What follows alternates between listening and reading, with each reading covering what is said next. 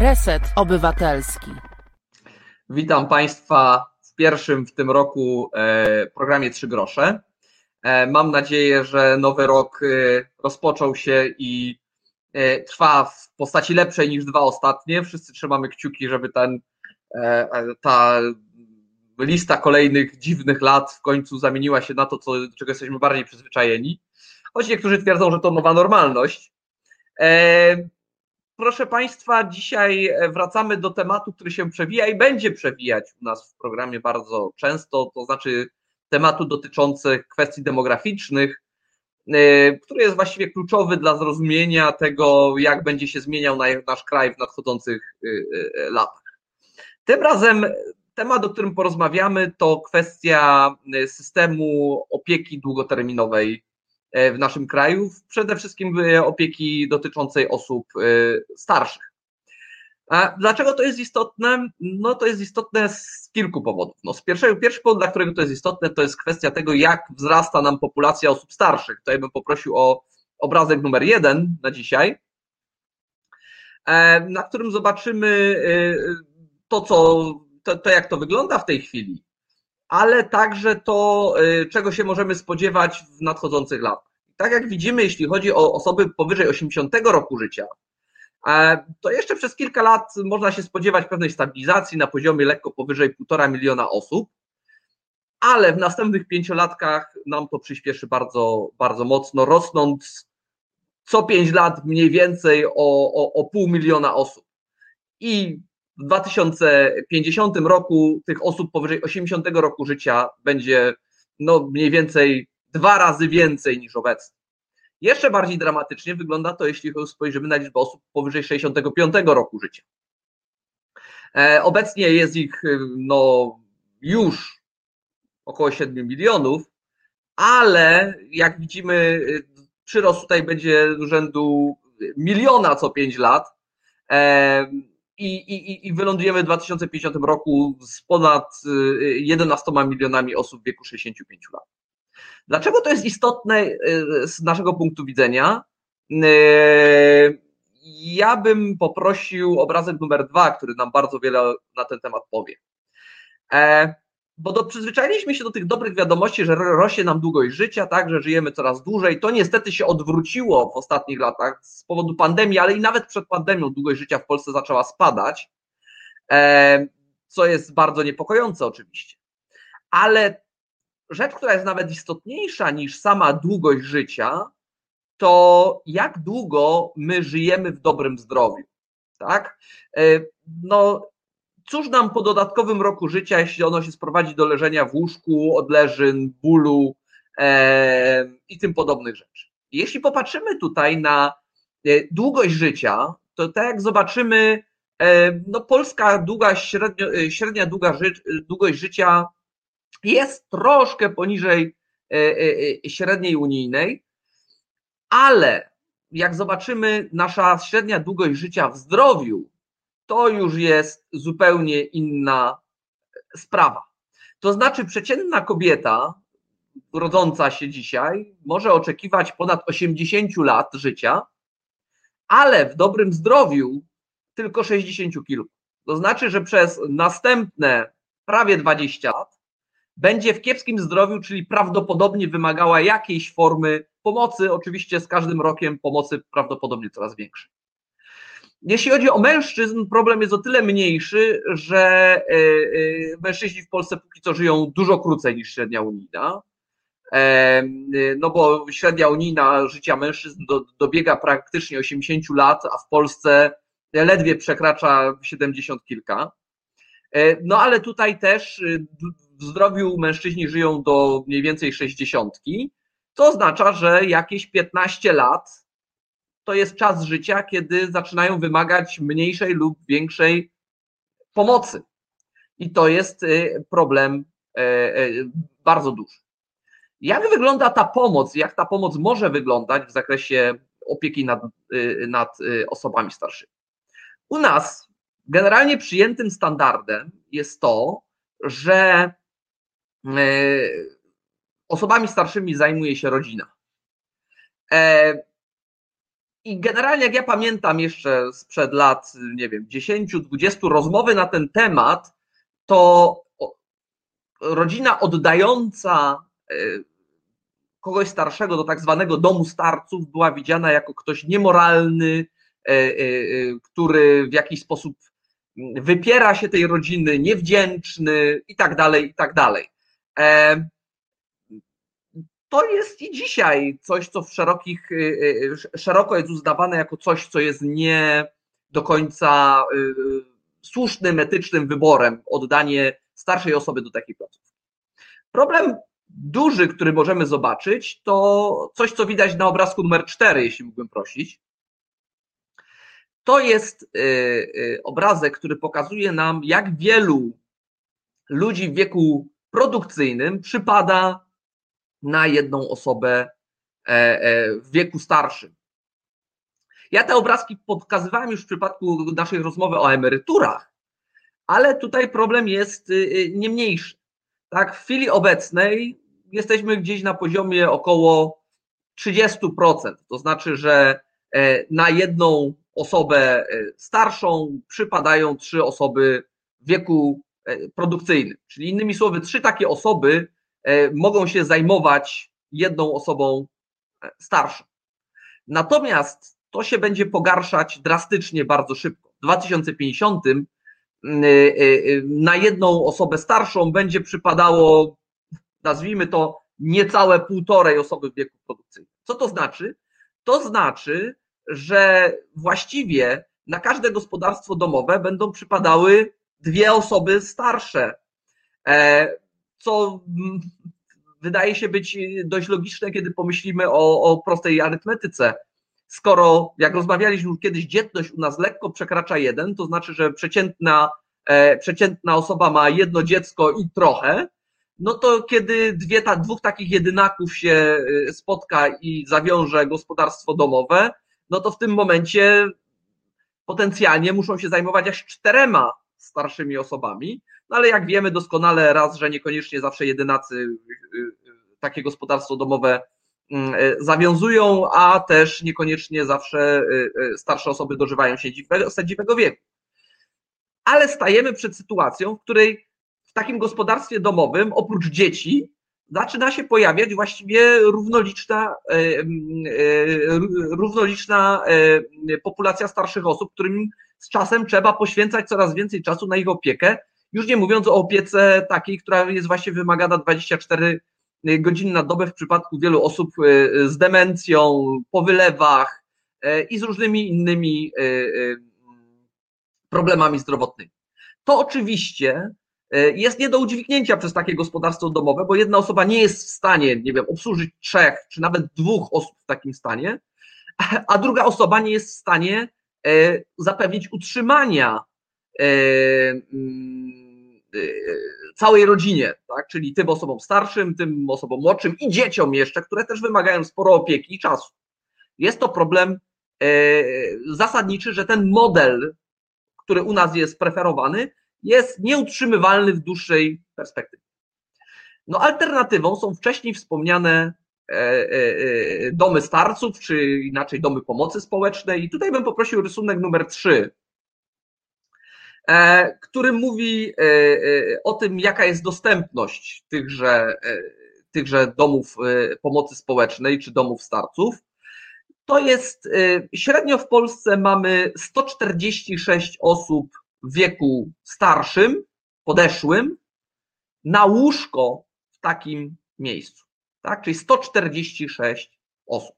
To się dość mocno różni w zależności od lokalizacji. W województwie mazowieckim mamy takich osób 100, a, a, e, e, a już e, na, patrząc na północ, prawie takich osób mamy 300 na łóżko. Także widać, że jest to różnica, to jest różnica kolosalna.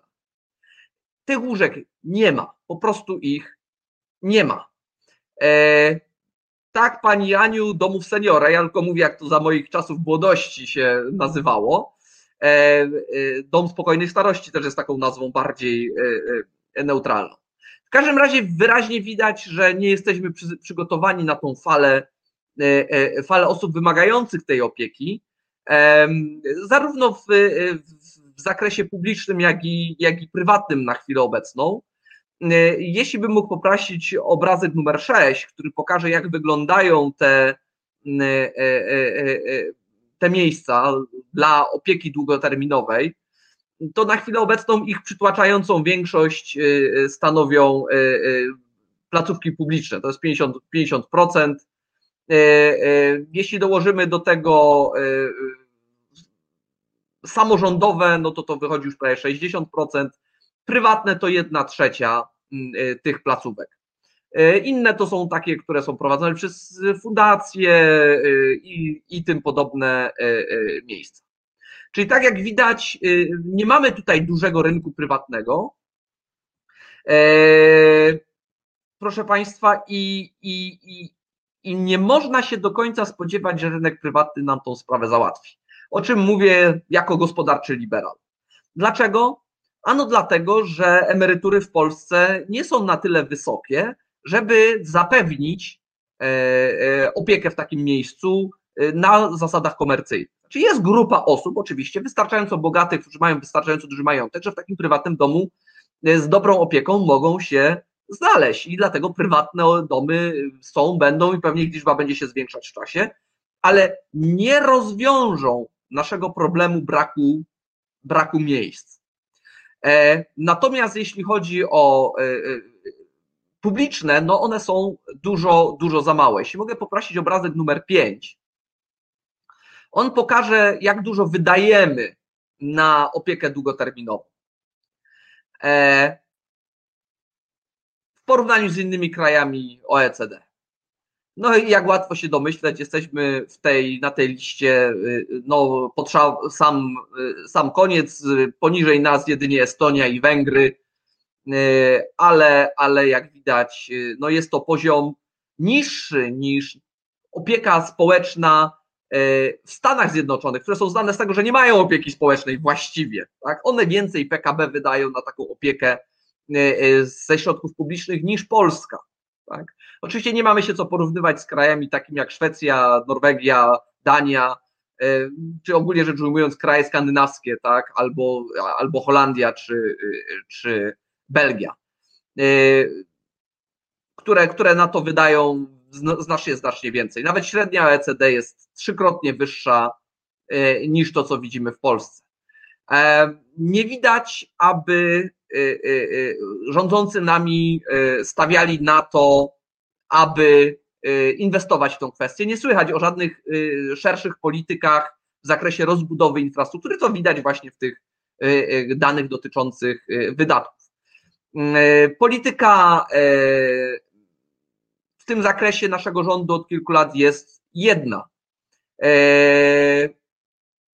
I, i, i ta idea jest taka, damy wam gotówkę do ręki i radźcie sobie. Tak, tą gotówką w przypadku dzieci jest 500 y, plus, ostatnio 1000 plus, czy jakiś inny plus, wyprawka plus.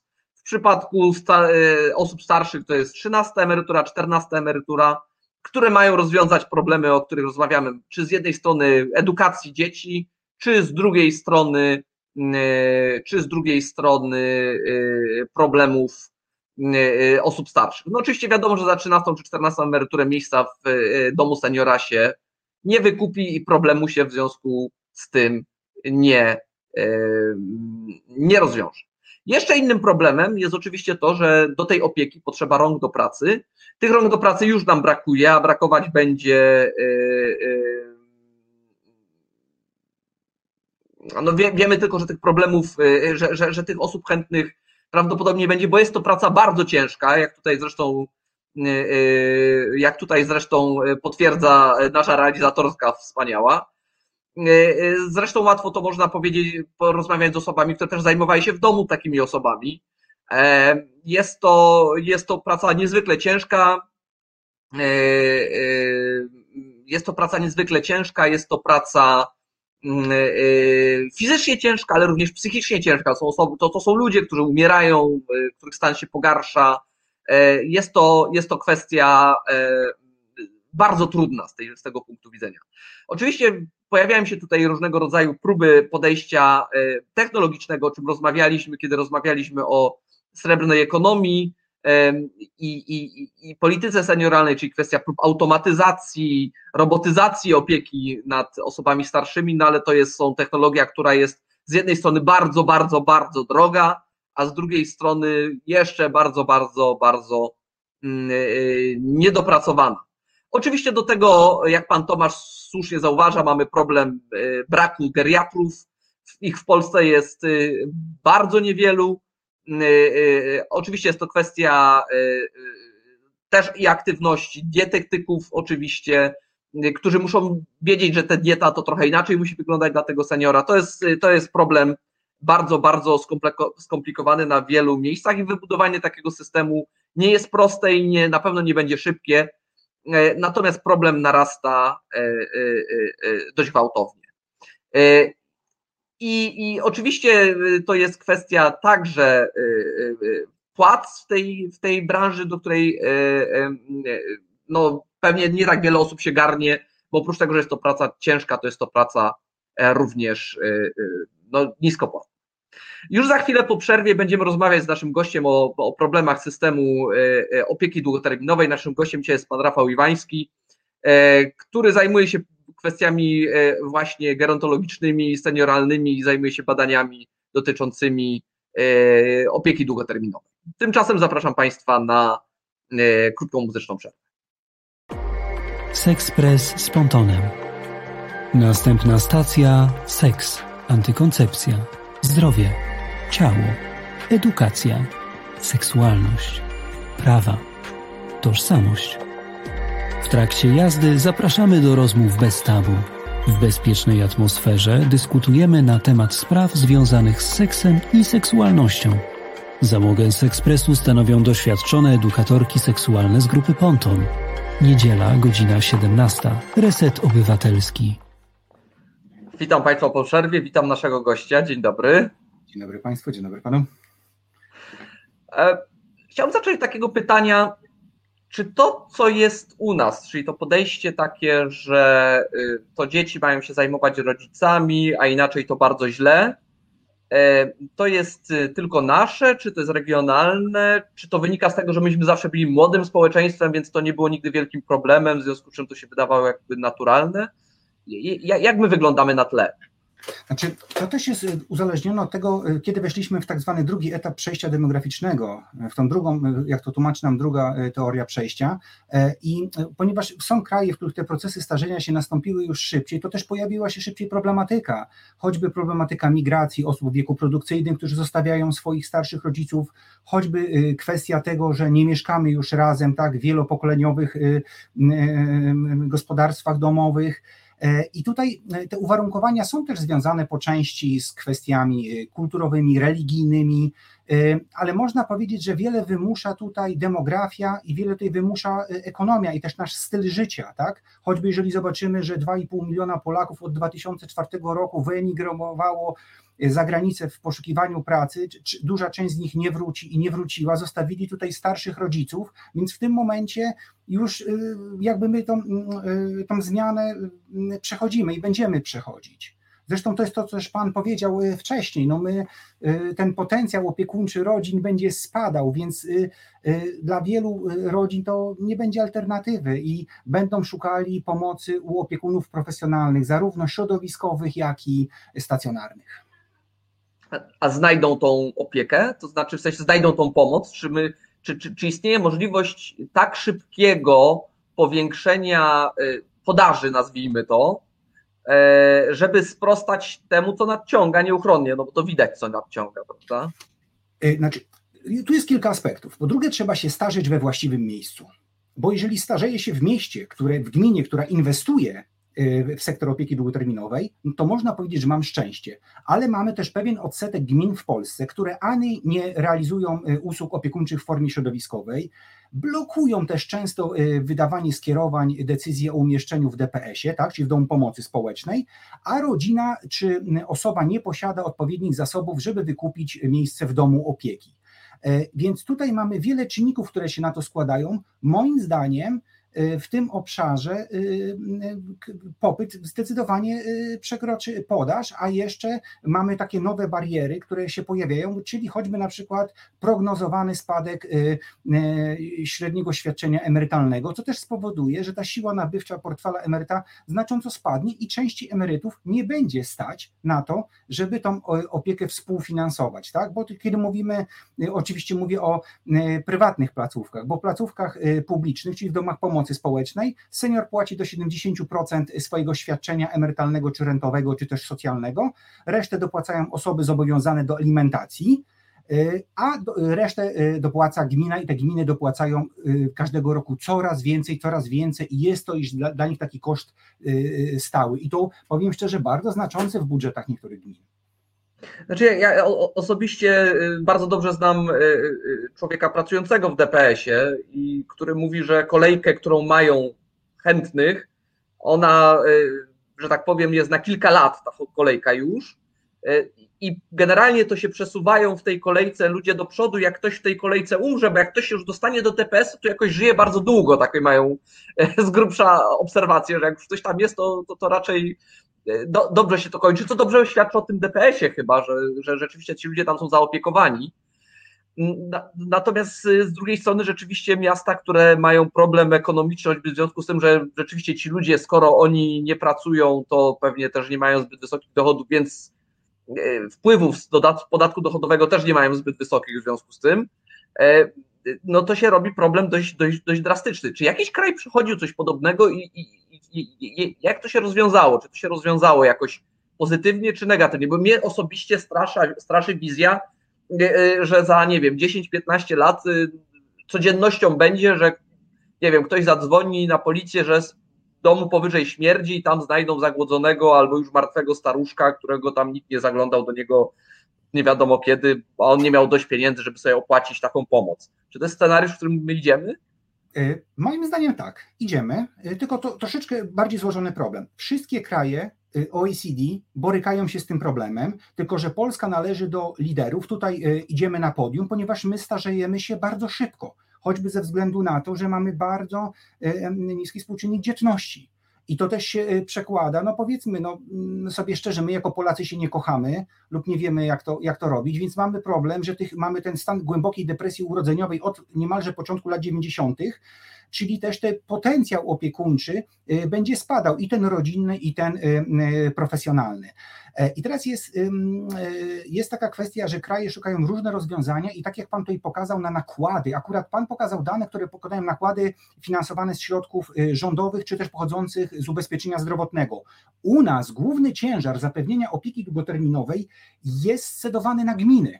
I to jest zadanie własne gmin. To gminy muszą y, utrzymać, oprócz y, usług specjalistycznych dla osób z zaburzeniami psychicznymi, które tam mamy dofinansowanie y, rządowe, to reszta to jest kosztem gminy. Więc gminy różnie do tego mogą podchodzić. I teraz tak, dzisiaj w, de, w domach pomocy społecznej mieszka około 0,48% osób po 60 roku życia. Tak możemy uwzględnić. I teraz, jeżeli do 2050 chcielibyśmy utrzymać tylko ten wskaźnik zaspokojenia potrzeb, czyli liczymy, że więcej osób nie będzie potrzebowało tej opieki, to musielibyśmy, przygotow- musielibyśmy wybudować około 20 y, tysięcy miejsc. 20 tysięcy miejsc, czyli jakieś 200 domów pomocy społecznej. Tak? A taki dom pomocy społecznej dzisiaj, to nie licząc ceny y, działki, tak, y, no to jest jakieś, nie wiem, 30-40 milionów, a może i więcej, w zależności jeszcze od regionu, i te domy nie powstają. Po drugie, jeszcze mamy wiele domów pomocy społecznej, które są w budynkach adaptowanych do tych celów, starych dworkach, a zmienia się struktura mieszkańca. Mamy coraz więcej mieszkańców nieopuszczających obrębu łóżka. I to są mieszkańcy, którzy wymagają y, kompletnie innego, y, innej opieki. Jak tutaj y, też słuchałem Pana programów z osobami, które mówiły o grontotechnologiach, o technowinkach.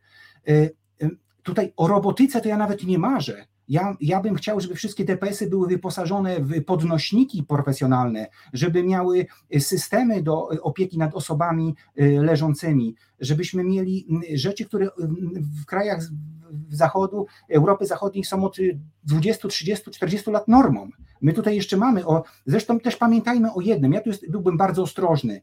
Y, robotyka jest przyszłością, ale robot nie zmieni pampersa. Robot nie nakarmi. Robot nie wykona wielu takich precyzyjnych czynności typowo higienicznych, które musi wykonać człowiek. I tutaj, jak też Państwo pisali na czacie, te czynności trzeba wykonać kilka razy dziennie. I to jest y, bardzo ważna kwestia. Y, no rzeczywiście wydaje się, że jesteśmy daleko. Ja nie słyszę, żeby jakaś polityka w tym zakresie się miała pojawić, choć, że tak powiem, propozycji w kierunku osób starszych pojawia się całkiem sporo ze strony polityków. To nie w stronę systemową raczej, tylko w stronę, tak jak mówię, dorzucenia jakichś tam pieniędzy na bieżącą egzystencję. Pytanie, czy pojawi się w pewnym momencie, że tak powiem, partia emerytów i rencistów, która wymusi tego typu rzeczy i, i ile czasu tak naprawdę potrzeba, żeby taki system z prawdziwego zdarzenia zbudować? Ile to by mogło kosztować? Czy to jest w ogóle realne?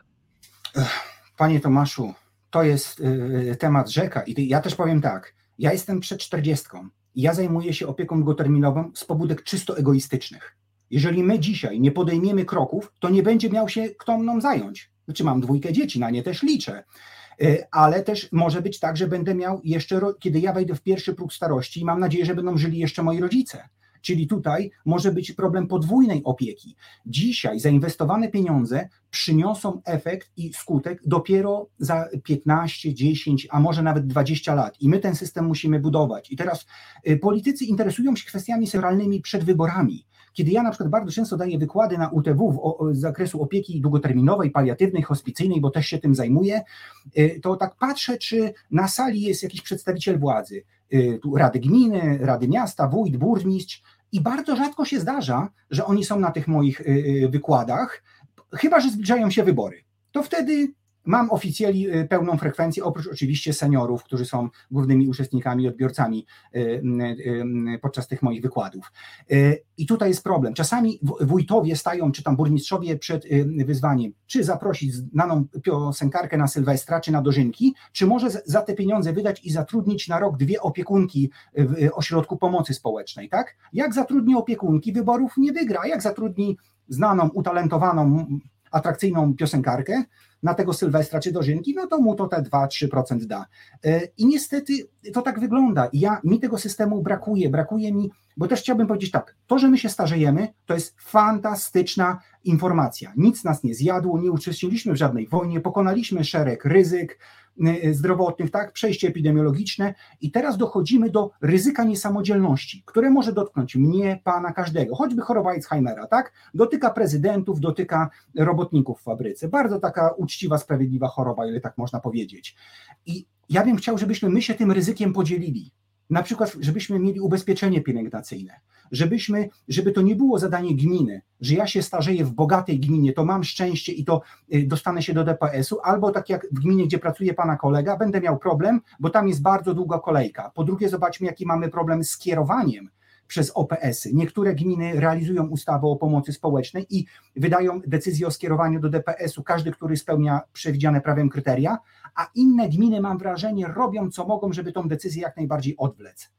To też wynika z moich badań, kiedy rozmawiałem z pracownikami socjalnymi y, z różnych ośrodków. Naprawdę to w naszym kraju wygląda różnie. Czasami pracownik socjalny mi mówi: No, widzę, że w tej rodzinie jest problem, ale jak wystawię skierowanie, y, decy- przygotuję decyzję o skierowaniu do DPS-u, to kierownik będzie bardzo zły. A kierownik mi mówi, no jak ja to podpiszę, to burmistrz będzie bardzo zły, bo będę musiał w skali roku z budżetu wydać 30-35 tysięcy, a może i 40 tysięcy na dopłatę. I to taki będzie koszt. Tak samo jak Pan mówił o tych y, długości życia w DPS-ach. Mamy 12 typów DPS-ów. Na przykład w DPS-ie dla osób przewlekle psychicznie chorych osoby będą żyły dłużej niż w przypadku y, DPS-ów dla osób przewlekle somatycznie chorych, albo jeszcze dla osób z niepełnosprawnością intelektualną, gdzie osoby żyją, niektórzy od dziecka, od pierwszego, drugiego roku życia, a dzisiaj mają 60-70 y, lat, więc mamy różne typy placówek i tą też specyfikę trzeba uwzględnić ja powiem tak, w niektórych regionach kraju mamy bardzo dużą kolejkę, a w niektórych DPS-y teraz w okresie pandemii prosiły się, przepraszam, to głupio brzmi, y, o mieszkańców, ponieważ jeżeli DPS ma 200 miejsc i nagle się okazuje, że przez 4 miesiące ma 40 wolnych miejsc, bo OPS-y nie kierują, to ma taką wyrwę w budżecie, a przecież ma bardzo, koszty stałe są y, takie same, tak? No bo trzeba utrzymać pracowników, ogrzać budynek i tak dalej, i tak dalej. No i teraz pozostaje pytanie, bo to nie jest pierwszy program, który mamy w tym temacie. Temat żyje, sporo osób, które się tym zajmuje, ale jak mam być szczery, poza tym programem, to ja, mimo że nasłuchiwałem, to nie słyszałem zbyt dużej debaty. Co zrobić, żeby ten temat przebił się szerzej, e, bo wydaje się być kluczowy zupełnie. Ja się zgadzam, zajmuję się tym tematem, choć nie z moim e, badawczym tematem, tak, ale wracam do niego. Również po części z pobudek egoistycznych, jak to pan powiedział, no bo to jest rzecz, do której my zmierzamy. Tak, rok 2050, no to ja będę miał 70 lat wtedy, prawda? Nie, nie, nie, nie przymierzając, prawda? A to będzie moment największej zapaści te, te, te, tego systemu, o ile oczywiście jakoś w inny sposób tego nie, nie rozwiążemy. Jaki jest sposób na jakby przebicie się, czy uświadomienie ludziom tak naprawdę do czego, gdzie, gdzie my zmierzamy i czym to grozi? Panie Tomaszu, ja jestem szefem e, Szczecińskiego Oddziału Polskiego Towarzystwa Gerontologicznego. Staram się promować, staram się e, e, występować na UTW, na konferencjach, ale czasami słyszę, a przyjdzie Iwański, znowu będzie mówił te smutne informacje o opiece długoterminowej, jak to jest źle. I osoby, które się nie zetknęły z tym problemem, jeszcze nie rozumieją, ale bardzo często po wykładach podchodzą do mnie seniorzy, podchodzą opiekunowie i mówią tak, tak, opiekowałem się mamą, tatą, mężem, żoną, bratem i ludzie, których ten problem dotknął, to już do tego inaczej podchodzą. Niestety w przestrzeni publicznej to nie jest temat, który się, przepraszam, klika. To nie jest temat, który będzie taki główny, chociaż y, y, tak naprawdę my nawet nie wiemy, ile osób potrzebuje tej opieki. W domach pomocy społecznej mamy prawie 80 tysięcy osób, w ZOLach i w ZPOLach 30 tysięcy. Y, ponad chyba 120 tysięcy jest objętych usługami opiekuńczymi w miejscu zamieszkania. Jeszcze mamy osoby w domach opieki. I teraz zobaczmy sytuację. Choroba Alzheimera. Tutaj mamy ryzyko zachorowania na chorobę Alzheimera rośnie wraz z wiekiem. I to jest, jak mamy 65 lat, to mamy około tam 5% szansę na zachorowania według szacunków na choroby otępienne, z czego choroba Alzheimera to jest tam jakiś odsetek. I w wieku 85 lat już ta, to ryzyko choroby wzrasta. Czyli możemy powiedzieć, że jeżeli będzie się nam przesuwał, tak jak Pan pokazał, ta, będzie rosła ta subpopulacja osób w tych w drugim, trzecim y, kategorii starości, no to choćby sama choroba Alzheimera, którą osoby wymagają całodobowej opieki i ta opieka narasta wręcz a jest średnio świadczona 7-8 y, lat. I powinniśmy się do tego przygotować, powinniśmy o tym mówić, ale też ja mam wrażenie, że ludzie odpychają ten problem. Odpychają ten problem, dopóki nie dotknie ich w domu, tak samo jak moi studenci na zajęciach. Ja prowadzę pracę socjalną z osobą starszą, czy opiek, y, y, podstawę opieki nad, długoterminowej nad niesamodzielną osobą. Studenci mnie słuchają, wydają zaangażowanie, mija 3 lata, dostaję telefon, panie doktorze, no babcia ma Alzheimera, co mamy robić?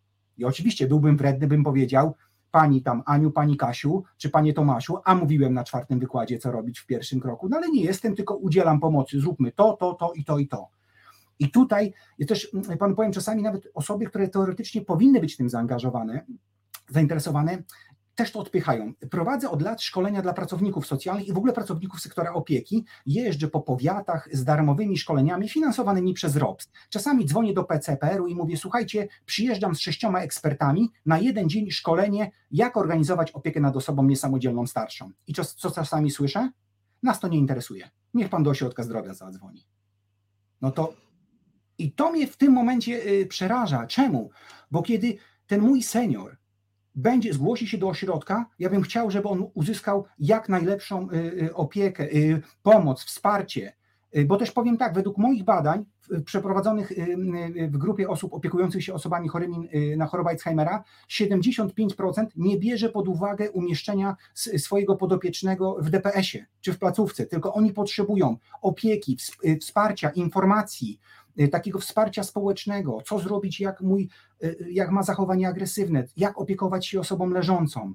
E, I tutaj my też potrzebujemy takich koordynatorów opieki. Przykładowo, no, dostaje pan informację, że babcia miała udar, tak? I teraz ją trzeba już zabrać ze szpitala, trzeba się nią zająć. No to ja bym chciał, żeby do domu przyszedł y, pracownik, który pokaże panu, jak się opiekować, jak zmieniać, jak karmić, na co zwracać uwagę, y, y, żeby była ta rehabilitacja. I to nie są czasami koszty, sprawy, które wymagają dużych nakładów finansowych tylko wymaga, wymagają organizacji, wymagają podejścia. I tak jak Pan tutaj powiedział o tych transferach, które są teraz robione, tak? Dać pieniądze, żaden problem. Kiedy ja patrzę, jakie pieniądze są wydawane na transfery 500, plus, 13, 14 emerytura, ja bym marzył, żeby procent z tych pieniędzy poszedł na opiekę długoterminową. Bo y, chciałbym, jeżeli zobaczymy, jakie są nakłady z środków publicznych na opiekę długoterminową, a jakie są na inne, nie mówię, że nieważne sfery, no to w tym momencie y, y, jest problem y, ogromny. Ale zresztą widzimy, widzieliśmy też tą wrażliwość, jak tutaj pani e, e, jak tu też, też widzę Państwo wskazują, że tu jest potrzebna pewna wrażliwość. Pewna wrażliwość na, na ten problem. Ja, ja mam jeszcze jedno pytanie, jakby idące dalej też, jakby krok, krok dalej, no bo skala będzie rosła w taki czy inny sposób, nie, nie, nie ma siły. I no, znane mi są tematy kwestii domów spokojnej starości ze Stanów Zjednoczonych, prawda? I tam jest dość duży problem z tym, co się dzieje z tymi seniorami w tych domach. Niektórych, oczywiście nie wszystkich. To znaczy kwestie opieki, ale nadużyć różnego rodzaju, e, e, warunków, w jakich są, czy rzeczywiście są wykonywane te czynności higieniczne odpowiednio często, czy nie są, i cała masa różnych innych rzeczy. E, u nas oczywiście, tak pokazywaliśmy, ta liczba prywatnych ośrodków jest dość znikoma i raczej dla ludzi bogatych, których rodzina pewnie dogląda i i, i się upewnia, że oni są traktowani odpowiednio. Ale jak wygląda u nas kwestia nadzoru nad tym, jakie te warunki w tych DPS-ach czy innych ośrodkach są, że, że, że, że, że ci os te osoby starsze są rzeczywiście zaopiekowane, bo to są często osoby bezradne, które się same nie, nie, nie, nie poskarżą, nie, nie, nie, nawet jak się ich zapytać, pewnie nie są w stanie odpowiedzieć często, co, co, co się dzieje. Czy, czy, czy mamy taki system kontroli? Oczywiście, że mamy. I teraz tak, musimy rozdzielić dwa typy placówek: domy pomocy społecznej i domy opieki. Teraz one podlegają pod kontrolę urzędów wojewódzkich przez wydziały do, do spraw y, społecznych.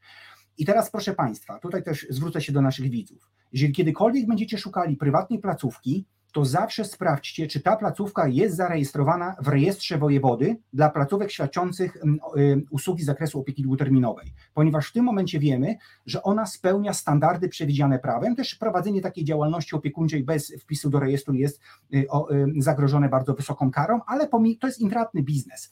I teraz tak, jeżeli chodzi o DPS-y, które ja odwiedzi, odwiedziłem, których ja y, y, prowadzę badania, których pracują moi studenci, bo ja się 16 lat tym zajmuję, y, przez wiele lat kształciłem opiekunów w DPS-ach, opiekunów środowiskowych, asystentów, pracowników socjalnych, terapeutów zajęciowych, to mogę powiedzieć, że na terenie województwa zachodniopomorskiego nie znalazłem żadnej placówki, nie spotkałem, której by te standardy nie były spełnione. I tutaj musi też, ale w przypadku domach opieki to już wygląda czasami różnie. Dlatego też musimy pamiętać, że Urząd Wojewódzki kontroluje, no ale ta kontrola nie jest też taka stała. Y, ale też bardzo zwracajmy uwagę, jeżeli do DPS-u, do domu opieki nie chcą nas wpuścić, jeżeli robią jakieś blokady, oczywiście COVID jest sytuacją nadzwyczajną teraz, jeżeli nie ma, nie ma, transparentności, no to wtedy niech tam się zapali jakaś y, lampka, bo niektóre te placówki tracą te uprawnienia, tak? Są na nich nakładane czasami mandaty, widzimy też, że są czasami wykreślone y, z rejestru y, wojewody. Oczywiście mamy czasami przypadki skrajne, też to było, w pewnym momencie był to bardzo medialny aspekt, ale też muszę powiedzieć, czasami mam taki zarzut do dziennikarzy, że dziennikarze robią sobie łatwą wierszówkę, gdzie y, po prostu są jakieś konflikty w DPS-ie, jakieś takie typowe pracownicze, czy jakiś mieszkaniec, który jest bardzo roszczeniowy na przykład i napuszcza y, dziennikarzy. I w tym momencie tutaj też takie y, trzeba zachować zdrowy rozsądek i taką też etykę zawodową. Ogólnie ja mogę powiedzieć, że w tych DPS-ach, które ja znam na terenie województwa zachodniopomorskiego standard usług jest wysoki to, to, to, pocieszające. Miejmy nadzieję, że jak będzie się ta skala powiększała, a pewnie będzie wraz z, z e, e, no, tym, co nas czeka, to że te standardy uda się utrzymać, e, no to pewnie będzie wymagało odpowiednich środków, no ale to jest zupełnie inna, inna para kaloszy. A, odchodząc chwilowo od ośrodków, które się tym zajmują, chciałem się jeszcze na koniec krótko zająć kwestiami wsparcia w opiece tej w domu, tak? Y, czy to jest, y, czy to jest tak, że y, rzeczywiście nasze państwo stawia na to, żeby pomóc tym opiekunom i, i mają szansę na realną pomoc w tej no, bardzo trudnej sytuacji, w której się znajdują? Czy to jest jednak tak, że są w dużej mierze pozostawieni sami sobie? Parę przykładów podam.